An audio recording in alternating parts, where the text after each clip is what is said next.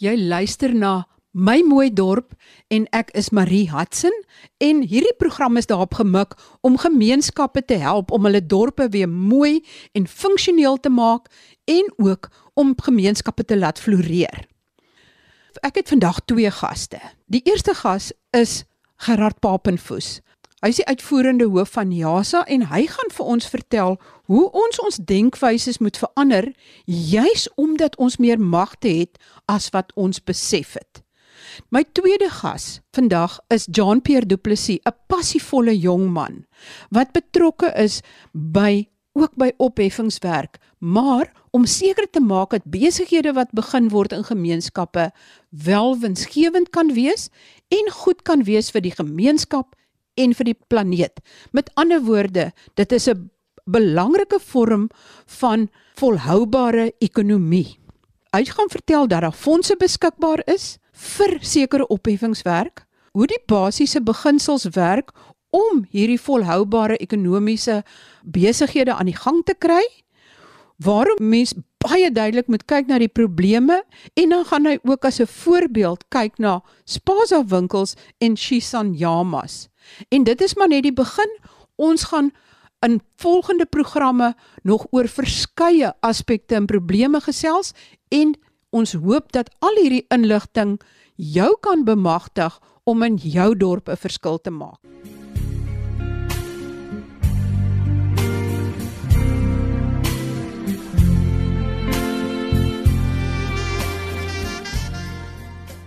My gas vir oggend is Gerard Papenfoes. Hy is uitvoerende hoof van die JASA. Dit het begin as 'n organisasie vir werkgewers met die oog op arbeidswetgewing. Maar is nou op groot skaal betrokke dwars deur die land in kollektiewe onderhandelings en drukgroepe vir besighede. Hy is ook direkteur van 'n nuutgestigte nie-regeringsorganisasie wat 'n nasionale platform is vir die bemagtiging van plaaslike owerhede. Baie welkom meneer Papenfoes. Baie dankie Marie. Ek wil sommer wegspring en vra. Daar is baie probleme by baie dorpe in Suid-Afrika. Maar wat kan mens doen aan hierdie probleme? Hoe moet mense dit benader? Hoe weet jy wanneer om hof toe te gaan, wanneer om te onderhandel en wat is die regte pad om te loop? Want baie mense voel dat hulle een stem roepende in die woestyn is. Marie, uh, die ding het uh, skeef geloop jare terug. Toe ons gedink het dat die regering vir ons goeders gaan doen. Ons het gedink dat as jy jou belastings betaal op plaaslike vlak of op 'n nasionale vlak dat die regering die dinge gaan doen wat hulle moet doen. Nou ons is stadig besig om wakker te word en ons word skielik baie wakker tot die feit dat dit nie gebeur nie. Die feit dat jy belasting betaal op nasionale vlak of ook op plaaslike owerheidsvlak lei nie daartoe dat die regering en regering bedoel ek die regering op nasionale vlak en ek praat van jou munisipale bestuur vir jou die nodige goed doen op plaaslike vlak nie en dit is hierdie ding is 'n uh, probleem by meer as 90% van dorpe in Suid-Afrika. Dit gaan 'n bietjie beter in stede want ek dink die kollektiewe teenwoordigheid van baie belastingbetalers ensovoort dwing munisipaliteite tot 'n mate om gehoor te gee en daar is redelike instandhouding van infrastruktuur maar in, in die dorpe en die platland is dit 'n enorme probleem. Daar's 'n totale verval paaie, uh, infrastruktuur, water is 'n probleem, elektrisiteit is 'n probleem daar's riole wat in strate afloop. Die water word met tye afgesny. Ek het uh, in hierdie week 'n oproep gekry van 'n sakeman wat vir my sê dat in hulle dorp het hulle nou uitgevind nadat 'n bepaalde instansie, en ek gaan nou nie die naam noem nie, hulle gebel het en gesê het hulle gaan die water tot die dorp afsny het uh, hulle uitgevind dat die munisipaliteit die betrokke instansie wat water voorsien 700 miljoen rand skuld. Wat hier gebeur het is dat terwyl die inwoners besig is om belasting te betaal en elke maand getrou hulle munisipale rekenings te betaal het, is daai geld nie oorbetaal aan hierdie instansie nie wat die water voorsien nie en nou dreig daardie instansie om die water af te sny. Nou hier is 'n tipiese voorbeeld waar jy nou moet hof toe gaan en daardie instansie verbied om jou water af te sny. Maar die instansie wat die water verskaf sit 'n net so probleem. Die skuld wat Eskom opgebou het oor die jare omdat munisipaliteite nie hulle rekeninge betaal nie, staan op 500 biljoen rand. 500 biljoen rand. Dit is 'n 5 met 11 nulle. Dis 500 biljoen. Maar die geld wat geskuld word vir water is nou omtrent by 'n triljoen. Dit is 'n 1 met 12 nulle. Dit is hoeveel die land skuld vir water. So wat het hier gebeur? Ons betaal belasting, maar die ouens wat ons belasting vorder, betaal nie die geld oor vir ons dienste nie. Hulle gebruik dit self. 'n Projek wat R50 000 moet kos, kos miljoene. Die geld gaan in verskeie vlakke in mense se sakke en dit is wat kader deployment beteken. Hierdie ding moet nou stop en hier is die interessante ding dat die grondwet en munisipale wetgewing bemagtig die plaaslike inwoners, die stemmers, die inwoners van 'n dorp volkome om beheer te neem. Jy moet toesien. Nou ons het dit miskien nie geweet nie en waar ons dit geweet het was ons was ons lui. Ons het nie noodwendig uit ons huise uitgekom om hierdie ding onder beheer te kry nie. Nou wanneer gaan jy hof toe en wanneer doen jy iets anders? Kom ons praat eers oor die hof. As hulle môre jou dorp se water gaan afsny, dan moet jy hof toe gaan. Maar dis baie laat in hierdie geveg. So wat hierdie platform doen is om dit sodanig te bewerkstellig dat die gemeenskappe, alle gemeenskappe moet besef dat hulle kan hierdie ding omdraai. Ons moet hierdie ding ondervang nou reeds. Dadelik moet moet mense op plaaslike owerheidsvlak begin organiseer. Iemand moet leiding neem en begin organiseer in prosesse waar jy wys raadslid waar jy hom in 'n vergadering kry en dat jy kan dit gereeld doen. Jy kan dit maandeliks doen. Jy moet hom sê, "Wat is jou plan vir my area?" Waar is die plan? En as hy nie een het nie, dan gee jy vir hom een. En jy sê, "Wel, jy het nou nie een nie. Hier is jou plan en jy moet vir ons oor 'n maand kom terugvoer gee presies wat jy gedoen het." Nou dit gebeur nie. Jy kan vir mense vra, "Was jy al ooit in so 'n gesprek met jou wijks raadslid en nie een sê ja nie. Hulle sê hulle het nog nooit eens hiervan gehoor nie. Die bepaalde dorp wat ek van praat met die 700 miljoen waterskuld, dis 'n enorme probleem. Suid-Afrika is eintlik bankrot wat water aanbetref. Dit het gebeur omdat ons nie toesig gehou het nie. Ons het nie gekyk nie. Ons het nie vir ons raadslede gesê jy moet aan ons verantwoording doen nie. En dit is hoekom hierdie goed gebeur het. Die feit van die saak is dat die wetgewing maak absoluut voorsiening dat jy as die stemmer die mag het en die bevoegdheid het om hierdie ding te doen. Nou hier is 'n belangrike ding. Die raadslede moet besef as jy verkies word, is jy uitsluitlik verantwoordelik en moet jy verslag doen en terugvoer gee aan jou gemeenskap.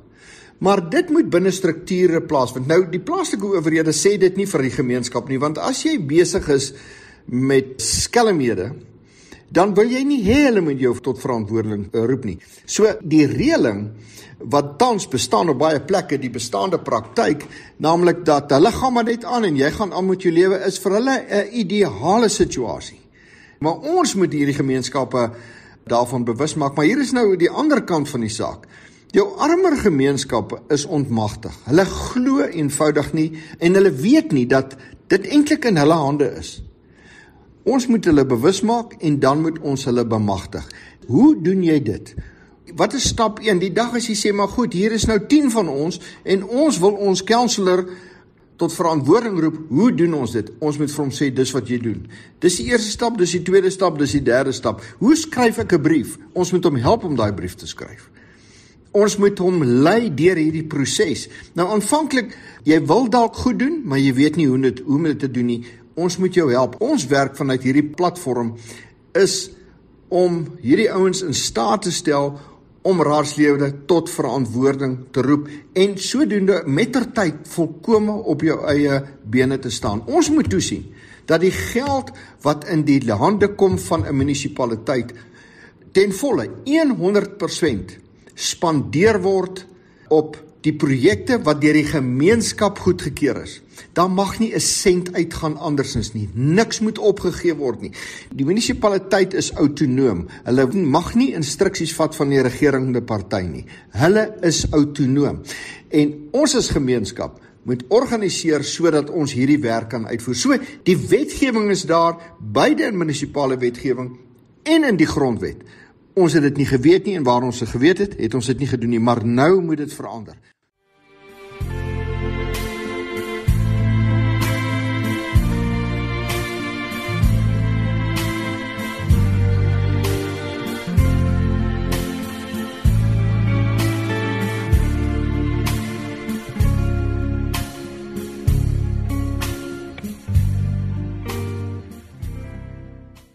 Ek gesels ver oggend met 'n passievolle jong man. Sy naam is Jean-Pierre Du Plessis. Hy het 'n regsagtergrond, maar hy's verbonde aan African Data Technology.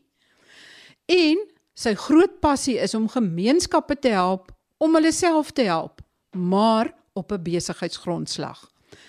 Jean-Pierre, vertel vir ons wat behels African Data Technology sodat ons net verstaan waar jy vandaan kom. Baie dankie Marie en baie dankie vir die geleentheid om met die luisteraars te gesels vandag. So African Data Technologies is begin deur ehm um, myself en my besigheidsgenoot Wian Becker, 'n siviele ingenieur met 'n groot passie vir die omgewing en sy ou dosent in die fakulteit van ingenieurswese Patrick Nkonkwa. En die doel van African Data Technologies was om sosiale en omgewingsimpak te vermeerder te verstaan en te meet en op die einde van die dag um, besigheidsmodelle en sosiale besigheidsmodelle te ontwikkel wat 'n sogenaamde sistemiese um, benadering vat tot impak. So ons kyk na die volledige impak van wat ons op die omgewing het en op gemeenskappe het en ook hoe om dit alles in ag te neem en te verbeter op die einde van die dag. Kan mens dit opsom deur te sê dat jy kyk na watter besigheid of sakemodelle het 'n moontlikheid om uiteindelik wins te maak, maar met 'n goeie impak op die omgewing en op die mense. Som ek dit reg op? Ja, Marie, definitief en ek dink ons beweeg veral nou in 'n tydperk in waar daar groter erkenning is dat 'n besigheid se impak op die omgewing in ag geneem moet word. Ek sal dit opsom om te sê hoe skep 'n mens sogenaamde start-ups wat winsgewend is? En onderhewig aan dit is daar drie goed wat mense na kyk. Natuurlik, jy moet toets is daar waarde in wat jy doen? Vir wie is daar waarde en wie gaan waarde kry uit dit uit wat jy doen? Kan hierdie besigheidsmodel groei? So het jy die struktuur in plek om dit te groei en dis waar tegnologie ook baie kan help met toepassings en ander tipe tegnologie om te meet en om data te hanteer. En laastens moet 'n mens kyk of jy impak skep deur hierdie besigheidsmodelle en hoe meet 'n mens daai impak? En op die einde van die dag is sosiale impak inherënt baie moeilik om te meet en dis natuurlik waar ons inkom om jou te help om daai impak te verstaan, te verbeter en dan op die einde van die dag om probleme op te los.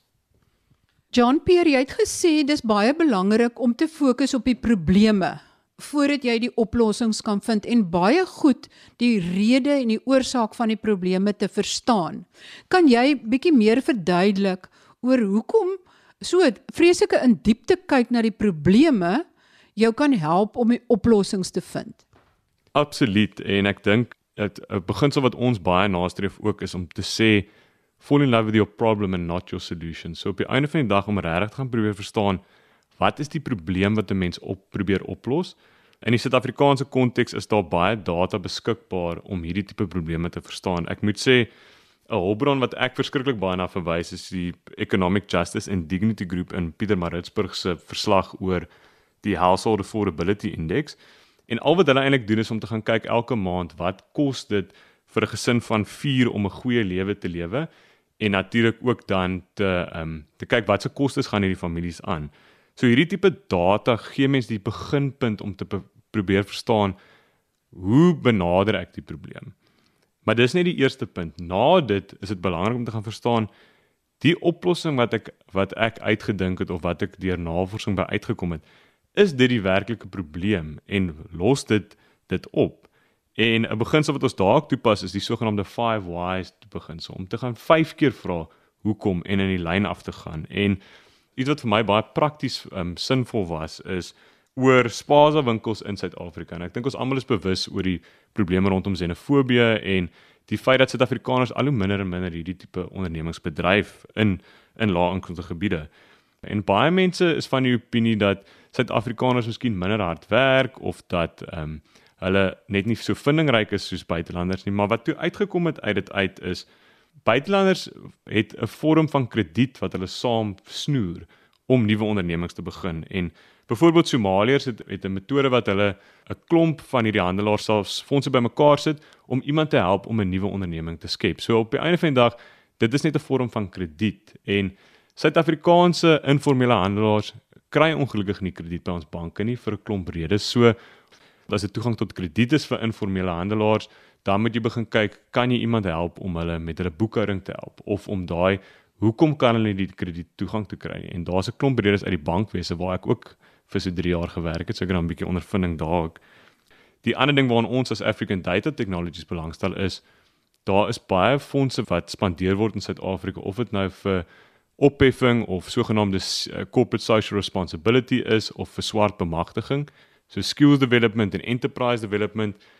Hierdie fondse moet spandeer word in terme van ons wetgewing en dit word tans gemeet as 'n persentasie van jou wins en as 'n absolute nommer en ons wil 'n bietjie dieper gaan as dit. Ons wil sê hierdie geld wat ons spandeer, hoe skep ons die volkomme impak rondom dit en wat alles in ag neem en dit is die omgewing so uh, informele handelaar kan jy miskien help om 'n yskas oor te slaan wat te veel energie gebruik en sodoende ook 'n uh, impak op wins te hê maar ook dan op die omgewing te hê.